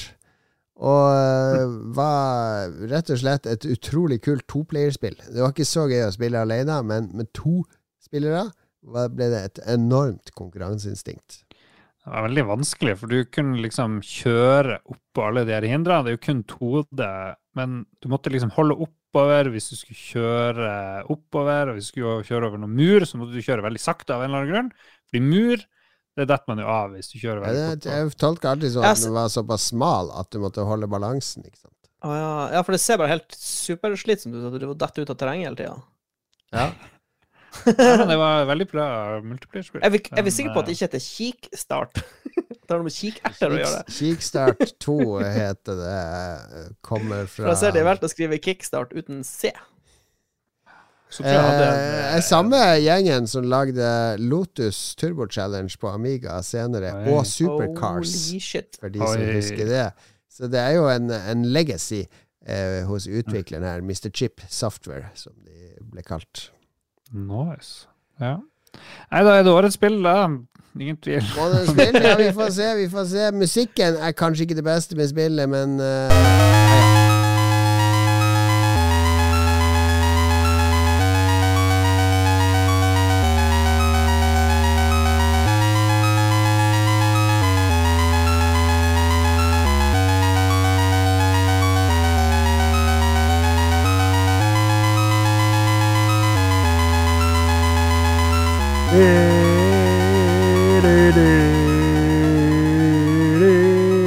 ja, ja. Det er level-editor på det spillet òg, eller husker jeg feil?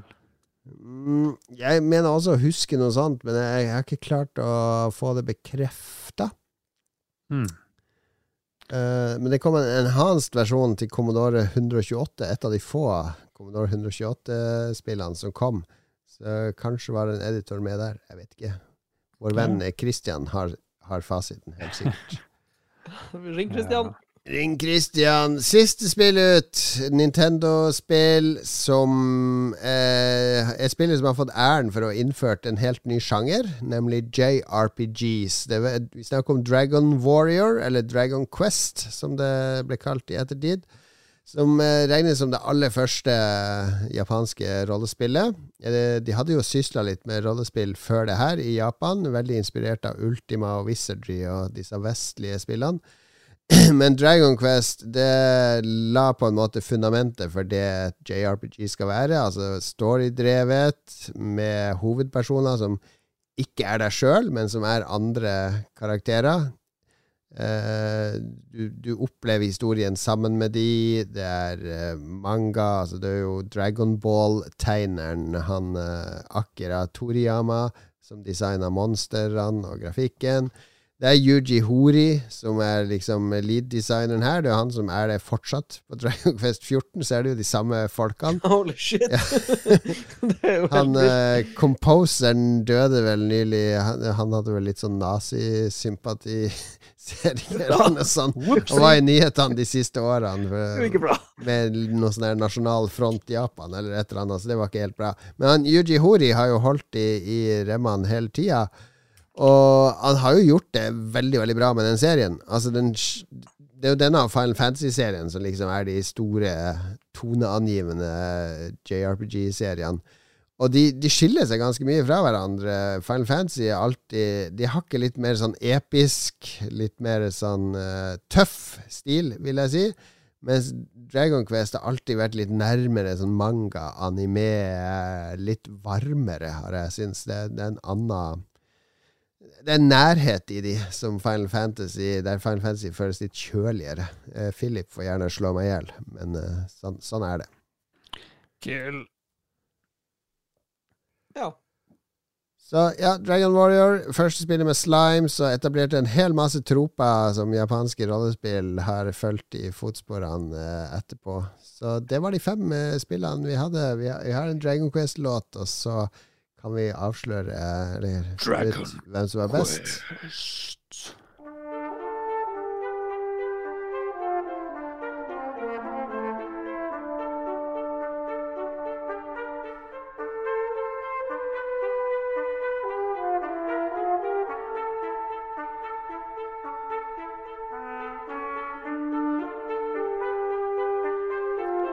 Det er jo da en, eh, en eh, nyinnspilling. Det er ikke sånn blipp og blopp som det egentlig var på Nes, men det en brass brass-versjon av Dragon Quest 1-musikken. Hmm, ingen som har spilt det spillet. Det er fint, det går ikke an å spille, faktisk, for det er forsvunnet. Det er litt trist. Er det forsvunnet? Jeg tror det. Det eksisterer ikke lenger. Ingen som har det. Det var Alle kopiene forsvant en dag. I don't believe you. Ok, vi har fem spill, da. Renegade på Arkade, Trinity fra Infocom Infiltrator, uh, Kickstart 2 og Dragon Quest. Hva mener vi er uh, beste spillet fra mai 1986? Jeg kan um, komme med um, litt sånn uh, Spilte ikke så mye dataspill i 1986, men det eneste spillet som jeg kjente igjen fra den lista, her, er faktisk Dragon Quest. Ja. som jeg liksom hadde, har et forhold til. Ja. Så uh, ja. Jeg må bare ta det, da. Ja, Kan holde en Ja. finger på det. Men det kan, hvis du blir mer nysgjerrig på noen av de andre, eller et eller annet, så er ikke det dumt heller. Lars, hva, hva tenker du? Dragon Quest er det åpenbare valget her, så det er, ikke, det er ikke feil at vi kårer det til vinneren i mai.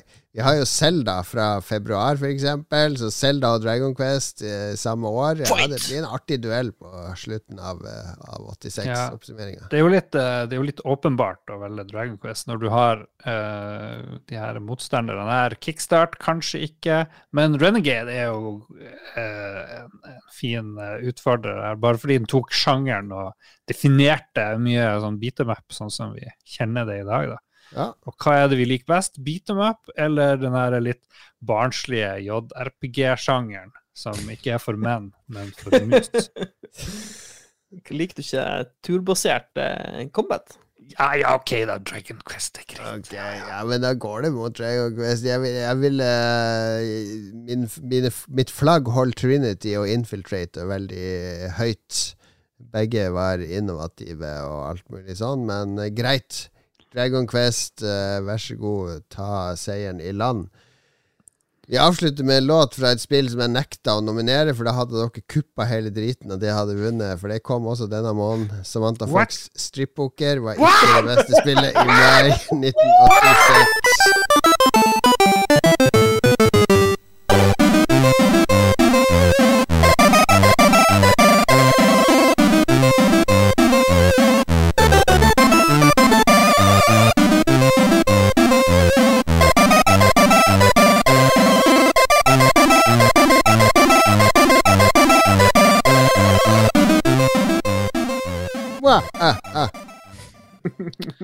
Fy faen. Bra. Vet du hva, det, Det må jeg si. den låten der, det er Rob Hubbard som har laga den, men han nekta for at det var han. Eh, Det er jo en sånn ragtime-låt som jeg lærte å spille på piano. Jeg kan nesten spille den. eh, den dag i dag. nice! Det er sånn Man må, må gå litt sånn i fortfilm og falle når man hører sånn musikk. Skli Ja. på Eller bananskall. bare ramle ut av en sånn saloon. Du har engasjert lytterne, Lars. Ja, det tok jo helt av eh, med lytterbidrag. Det er jo, eh, hva det heter sånn her eh, halloween-tid. Knask eller knep. Så jeg klistra opp et bilde fra Ringu, Ringu, og spurte hva er liksom de her favorittskrekkøyeblikkene i film og spill, for bare å ha litt å tygge på. Og det var jo virkelig, virkelig respons, så takk Ja. for det. Nice. Mm, Skal vi stackranke Veien. de? Er det det som er greia nå, eller? Stackranke? Nei, vi driter i det stackranking. Det, Ja, det det blir for mye med spill Ja. og film og alt mulig. Så er det mer øyeblikk. Men uh, det passer bra. Øyeblikk passer fint. Men uh, vi, vi kan heller bare snakke litt rundt Uh, Ragnar Veien Tundal han drar jo frem noe jeg syns var veldig skummelt. Det er jo Doom 3. Som han mener var utrolig skummelt, og det syns jeg òg, fordi du måtte velge mellom 3, våpen og altså. fy faen, det var stress. Ja, Ja. ja, lommelykt. Du måtte du må enten så måtte du lyse med lommelykta, eller så kunne du ha opp et skytevåpen. Ble ikke du provosert av det? Jeg har sett på Jo. sånne Ja. politishow der de går med Ja, ja, og støtter pistolen med lommelykthånda. Eller kom med et banebrytende konsept. Du har ei lykt som sitter fast på våpenet, som Ja. du kan skru av og på. Er det friskytinga, Mats, som du er på? Er det noe sånn mørkeskyting der man skal ha lommelykt eh, som støttehånd under pistolen? Nei, dessverre. dessverre. Det er sånn det burde vært. vært. Det hadde vært. dritkult, Ja. men eh, det er sånn amerikansk ting som eh, folk eh, fnyser av her til lands. Um, ja, vi har han Olav Øyan Uh, som, lyst, som sier at prøv å gå knask eller knep med en barneskoleklasse, og du har virkelighetsskrekk med en gang. Film og spill er ingenting mot å holde styr på godterihungrige barn. Det er kanskje et godt mm. moment. Ja. Jeg, jeg merka Jeg kom jo Jeg hadde vært ute og henta noe greier i går, så kom jeg ryggende opp med bilen her på gården. Ja. Og da sto det sånn her åtte unger med foreldre utenfor døra her, så jeg kan se for meg at det er greit stress å være én voksen som skal holde styr på alle de. Ja, de, de voksne de provoserer meg litt. Fordi vi bor i rekkehus i Oslo, så i går så ble jeg kvitt flere kilo med godteri. Jeg sikkert jeg ringte på 60 eller 70 ganger. Eh, fordi alle ungene som bor i blokk, ikke sant? du kommer deg ikke inn i de blokken og går opp og ned i trappen for å ringe på hos folk. Så jeg bare Ja, det er rekkehus der borte, vi går der. Så, så ja, greit, det, der kommer de. Og så er det voksne med alltid, hvis de er litt små. Og så kommer de på døra, ringer på, og så står det noen skummel zombie der, og en vampyr, og så er det 'knask eller knep', og så tar jeg frem møtet. Her er en til hver. Uh, altså, eh, jeg kommer til det trikset. Og så får de, og så står de voksne der. Hey, 'Husk å si takk! Husk å si takk!' da! Altså, her har de nettopp stått på døra og sagt 'Gi meg godteri, eller skal jeg faen meg banke deg opp eller tenne fyr på huset ditt'. Og så skal de takke. Først kommer de med trusler, og så skal de takke. Det er motpol. Altså, det er knask eller knep. Du skal ikke takke. det Gi meg godteri ellers! Det er en kontrast der. er Det er et slags ran. Det er et ran. Det er utpressing. Utpressing. Gi meg godteri, eller så kaster jeg dopapir på huset ditt. Ikke sant? Knask eller knus. Men jeg har et, jeg har et triks til knask eller knep for de som eh, til neste år lurer på åh, må jeg kjøpe inn så mye godteri og alt mulig sånn. Det mest populære vi har, det har vi hatt tre år på rad nå. Eh, vi har vanlig godteri. Vi har kommet med to skåler, så vi får ta, e, ta én fra hver skål. For Det ene er vanlig godteri, masse sånn Fox og smågodt og sånn. Og den andre er full av Berthas pepperkake. Det er veldig billig. Koster veldig lite. 25 kroner for en sånn boks eller noe sånt. og når de ungene kommer, så er det bare sånn eh, Pepperkake! Mamma, vi, vi, vi fikk pepperkake! De blir så glad for pepperkake! Det er så enkel glede, men de blir så Å, pepperkake! Det, da sprer du glede. Så det, det er mitt triks, min, min oppfordring til eh, alle dere som skal, eh, som skal eh, gi godteri neste år. Kjøp litt pepperkake. De kommer til å bli kjempeglade. Ja, jeg syns det har vært så lite folk på døra her, og i år var vi jo nede hos moderen, eh, så jeg Hvis dere var borte, så Ja, vi var, vi var borte, men det er kanskje eh, det som forklarer det. jeg har jo litt lyst til å gi dem sånn overskuddsspiker eller et eller annet. Nei, det må du Pluss at når de hvis, hvis det fortsatt ser ut sånn som det var når jeg var sist, at det ser ut som ei søppelfølging utenfor deg, så kanskje de ikke tør å gå og ringe på. Det er nok noe i det, ja. Det er litt Det er kanskje det som er det ekte life hacket. La det se ut som en Ja. søppelfylling utenfor huset, for da tror folk at det bor sånne Ja. drapsmenn der. Vi har ikke utelys heller som funker. Ja, ikke sant? Det, det er faktisk litt for skummelt å gå ned til dere, tror jeg. Ja. Ja. Njau, njau. Håkon Pyntevold fra Spill, en eh, Lolbua-affiliert podkast. Han husker veldig godt demoen til FEAR, eller Fear, som det også blir kalt. Det ble delt på et LAN som de arrangerte i 2004. Der er det en liten jente som heter Alma Wade. Hun skremte livskiten ut av oss gang på gang. Uh, og det, det var jo veldig inspirert av Ring og sånne Ring. type ting, det spillet. Ja, det er mye sånne, sånn mye jump scares. ja, når det er en, lang, en mørkhåra, langhåra dame i hvit kjole var det skumleste som fantes. Det var på Men det som, det som stjal showet i Fear, var jo det fantastiske slow-mo combat-greier. Ja, ja, det var masse sånn kult. debris og flyg og Faen, for et kult spill det var. Kult skytespill. Og film som skremte Håkon det må være når han var syv år, trykka play på VHS-spilleren fordi han trodde det var en film han hadde sett på tidligere, men nei da, det var den første Halloween. Og der um, drep Michael søstera i starten. Og det tok mange år før han torde å se den filmen. Stakkars. Og eh, Michael barn. Myers.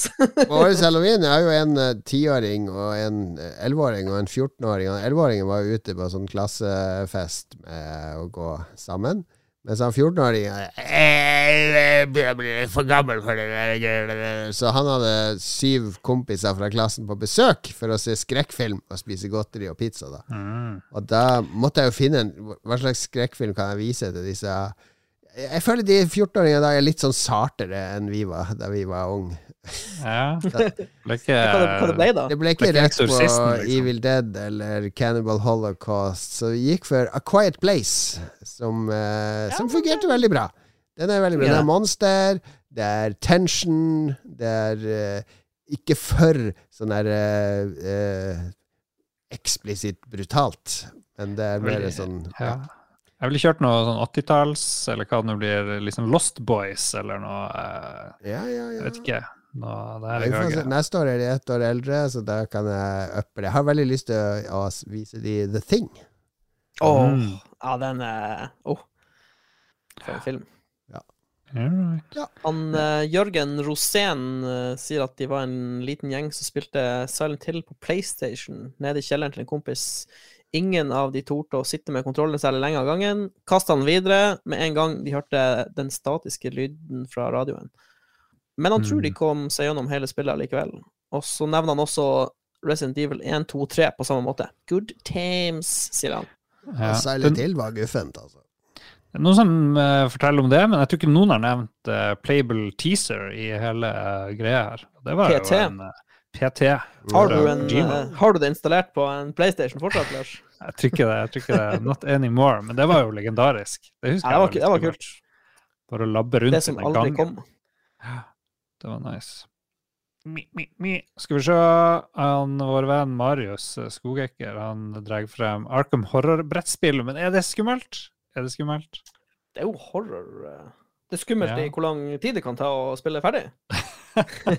Skummelt hvor godt han Marius og Simen kan reglene. Og, ja, og ja. Ja. ja nei, jeg syns ikke det er så skummelt. Det er mer frustrerende. Fordi, ja. Men det er bare min take. It's you. Bjørn Bjelland, han er glad i Fantasmagoria, det første horrorspillet han husker å ha spilt gjennom. Og det var noe helt nytt da det kom. Det var jo sånn her som kom på mange CD-romplater med Masse litt film og sånn. Eh, Mm. litt sånn spekulativ, eh, rett på video, eh, eksperimentell vold. Så eh, jeg tror det funka bra.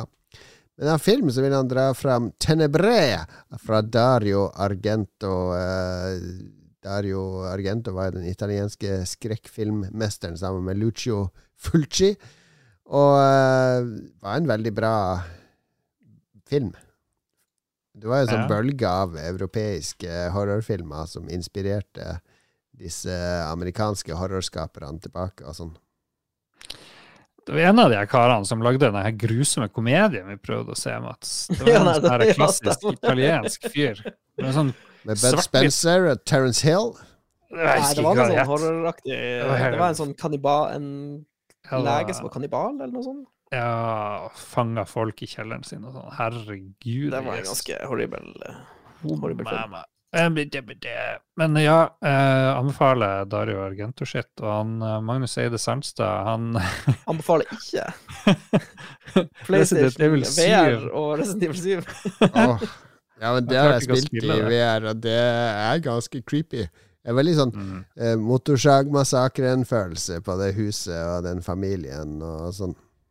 Ja, så tenker jeg liksom Horrorspill på PC er skummelt nok i seg sjøl, og så introduserer du plutselig virtual reality. Jeg tror det blir litt for heftig for eh, stakkars eh, kroppen min. Ida, det er jo bare å stålsette seg, for det gjelder det neste spillet òg, ikke sant? Per Søvik som sier Alien Isolation. Når Xenomorphen detter ned fra vifta i taket. Da skvatt jeg bra. Men det, det har jeg drevet og spilt i VR, for det fins jo oh! VR-adaption til det, og det er Det, så må, gøy! det er jo for heftig. Herregud, du føler jo at du er til stede i Alien-filmen. Det, det er magisk. Han eh, Adrian Haugen, eh, også vår venn fra spill, eh, sier at mitt horrorøyeblikk er nå holder på å spille slash streame gjennom Resident Evil 1-remake, eh, så han må takke Håkon Puntervold for å skremme han litt ekstra. Og eh, så vil han også nevne Silent Hill-spillene, som er Mm. ekstremt creepy og helt jævlig stemning. Ja, de er gifte, altså. Jeg syns de er verre enn Resident Evil 1, for de er mer sånn uforutsigbare. Resident Evil-spillene er litt mer sånn klassisk uh, horror. Ja. Hun, uh, Sigourney Weaver, som spiller hovedrollen i mange av de her Alien-filmene, uh, hun driver og lager fremdeles masse film, veldig aktiv. Så drev jeg og leste eller hørte en podkast Avatar 2! Avatar, ja, de har spilt inn 19 Avatar-filmer, men ja. jeg har to takes eh, fra Sigourney Weaver. Det ene er at hun kan holde pusten i seks minutter. Hun Wow! å freedive med han James? Cameron. Så hun har brukt ett år på å kunne holde pusten i seks minutter. Holy shit. Nummer to var at da hun spilte Ripley i eh, Alien 1, så tenkte hun hele tida at karakteren visste ikke hva hun holdt på med. Hun bare drev og improviserte hele tida bare prøvde å være tøff. Så neste gang du ser den filmen, så kan du tenke ha i bakhodet at hun, Ripley hun aner ikke egentlig hva hun holder på med. Vær så god. Moro. Tom Wilhelm skyte inn til Adrian her at The Room fucka med hodet mitt, og der tror jeg han snakker om uh, Silent Hill 4 The Room, som vel premisset var at alt foregikk på ett rom, men egentlig ikke, og så videre. Så det var et artig Silent Hill har en del sånne artige sidesprang. Shattered Memories òg var veldig gøy, der du er jo sånn psykolog og, om å fargelegge sånne der barnetegning av huset ditt. For jeg har rødt hus, blå dør. Det er det. Og så noen timer senere i spillet går du gjennom en skog, så kommer du til et hus som har de fargene som du Altså, det, det, er den, en, det var mye sånne gøye triks der.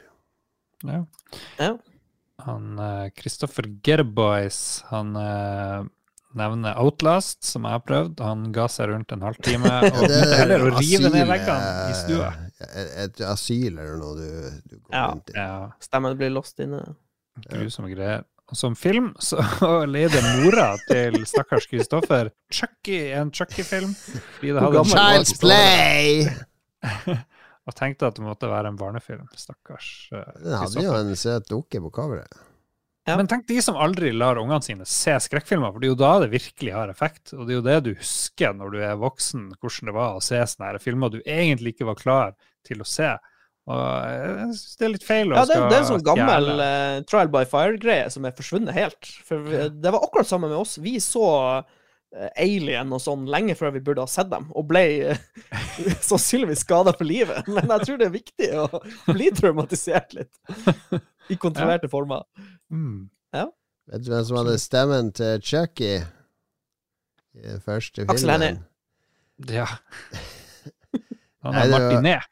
Han eh, Brad uh, Dourif, som vi kjenner fra Gjøkeredet, men også som Grima Ormetunge i Ringenes herre-filmen. Morsomt. Mm, nice, han, ja. Det var jeg ikke klar over. Sten Tony, han Sten Tony Han syns alltid det er vanskelig å si hva som er best, men Smile traumatiserte meg rimelig greit. Jeg tror han er fra Ankernes, han Sten Ja, det høres ut som en narvikværing her. Ja, Narvik. Men. Smile, hva er det for noe? Sentoni, han bor i Alta, skal jeg si dere. Ja. Det, det dere Smile er en helt ny film. Det Hva faen er Smile? Dette må googles med en gang. Sorry, så guffen Ja, dette må Her går rett opp og må se Jeg ser her på filmweb.no er det mange eh, gode anmeldelser, og Rutiana sier vi gir fem stjerner. Best skrek filme. Altså han, men han Kime Limpim gir én stjerne. Gørrkjedelig, holdt på å sovne, var ikke skummel i det hele tatt. Ekstremt overvurdert film. Jesus. Hmm. Apropos overvurdert, han Helge Ivar Svortevik sier kanskje litt mot tema, men han satt gjennom hele The Ring og lurte på når den skulle bli skummel. Men der, der skal han bli ikke jeg meg igjen. skummel, tenkte han Helge Ja. Svortevik. jeg syns den var skummel. Ja, jeg synes Ja, det var Men snakka han om uh, Ringu eller uh, oppfølger? sånn amerikan, det er sant. Jeg har ikke sett den amerikanske uh, versjonen. Japanske var jo forferdelig, og vi har nevnt det før, men den ble jo ekstra skummel, fordi da filmen var ferdig, så satt han Mats med mobilen og ringte hustelefonen hjemme hos oss, og jeg holdt på å dø. Det var, det var, jeg, må, jeg må gi meg sjøl kred, for det var jæv, jævlig bra steltringing. For jeg hadde Telefonen var skjult under ei pute, og jeg spilte like overraska som de andre. Det var litt creepy. Jeg ble faktisk litt creepa ut sjøl da jeg gjorde det, for det om jeg visste at det var jeg som ringte. Jeg, jeg håper Helge Ivar ikke er sånn der dude som sitter sammen med kompiser og skal, å, skal se film med armene i kors. Ja, dette var skummelt, ja! Jeg lurer på når dette skal bli skummelt! Yeah, du Nei, ikke vær sånn fyr, Helge Ivar. Det er greit nok at du er barsk, tøff og ikke syns ting er skummelt, men uh, den er skummel for mange. Kanskje han eh, Helge gjør litt sånn enorme ekstremting sjøl? Ja, kanskje Kanskje han er litt sånn Kanskje han er men Pass nå på, vi, ikke skal, inn, vi skal ikke inn i podkastenes faglige utvalg nå. Hallo? Han Kosti, eh, vår gode venn Kosti, sier eh, også at eh, Resident Evil 7 i VR er sinnssykt skummelt. Ja, det er det. Åh, det skal uh, Jeg syns vi skal strappe Lars inn i VR og tvinge han til å spille det på stream. Ja.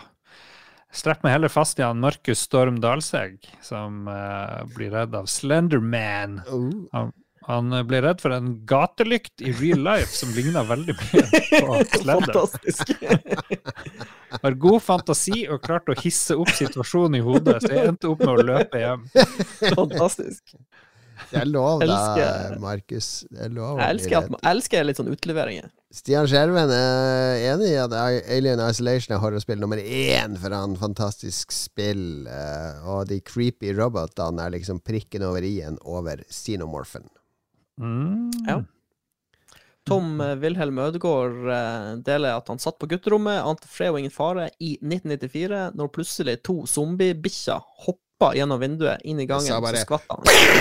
Og så kom det inn der. Ja, ja, Resident Evil 1. Det, til og med det, den husker jeg òg.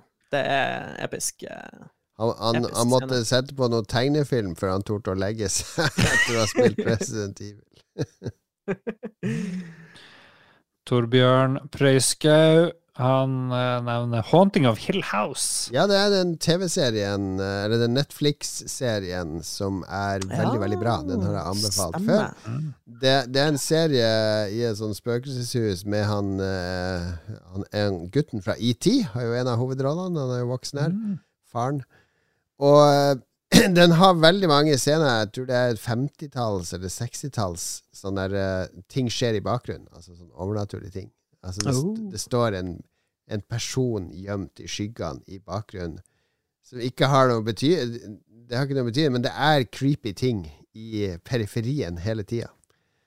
Så det, det, det ligger jo helt sikkert en liste på nettet over alle disse scenene der det er skjult noe skummelt. Så nei, Mm. den er veldig kul. Så nevner han Ringu-greieren og dama, og et svevende vesen i Hereditary. Hereditary er bra. Slutten Altså. av eh, filmen. Det er jo en fantastisk film. Jeg er litt på Team Helge på Hereditary og syns det var litt sånn uh, semioppskrytt. Men der er smaken delt som alle spak. Nei, det er han Ari Aster er jo store, Hereditary. store Hereditary nye var fantastisk. Store nye innen horror med Hereditary, Midsummer og uh, Disappointment Boulevard er den neste filmen som kommer fra han, med Joaquin Phoenix eh, i hovedrollen. Der sitter anmelderen klar. Disappointment Boulevard! Trenger ikke skrive mer anmeldelse enn det. Han eh, Trond Sinfor Borgersen nevner Project, Project Zero på PlayStation 2. Skremte vekk både den ene og den andre. Ble noen ensomme år etter det? Nei, det gjorde jeg Jeg vet ikke helt hva Ja, det er en artig serie, også kjent som Fatal Frame, der du går rundt i Oh. japanske spøkelseshus med sånn kamera som kan se spøkelser. Eh, Artig konsept. Artig konsept.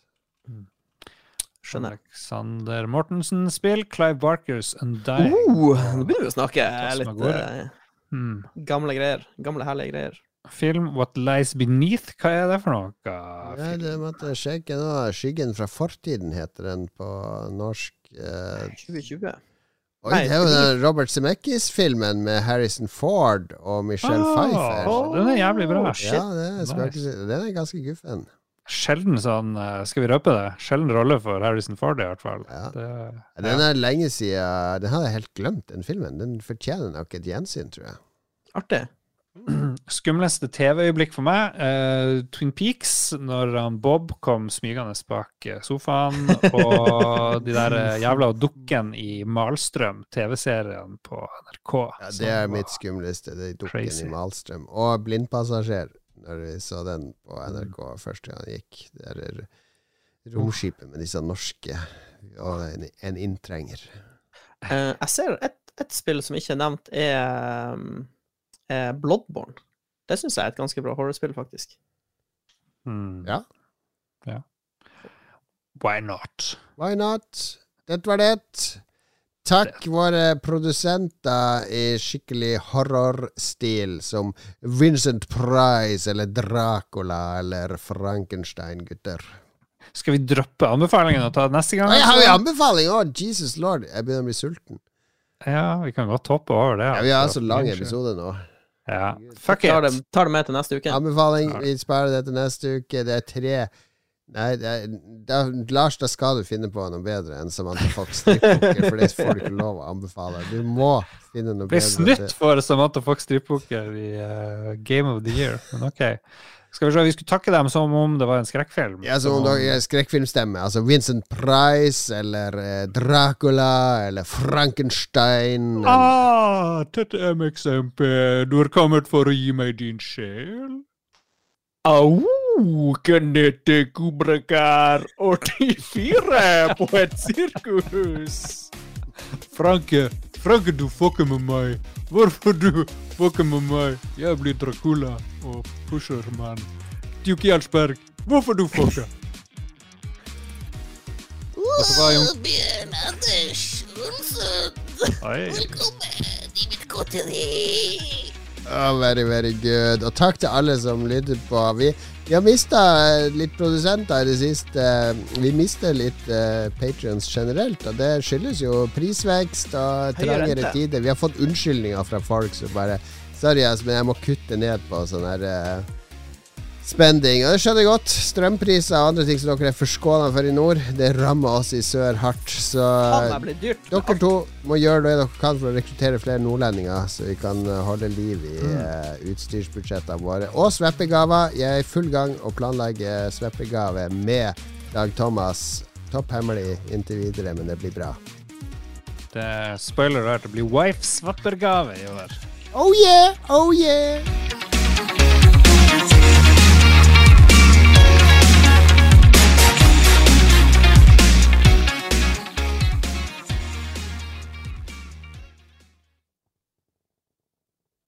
Har du et enkeltpersonforetak eller en liten bedrift? Da er du sikkert lei av å høre meg snakke om hvor enkelt det er med kvitteringer og bilag i fiken, så vi eh, gir oss her, vi. Fordi vi liker enkelt. Fiken superenkelt regnskap.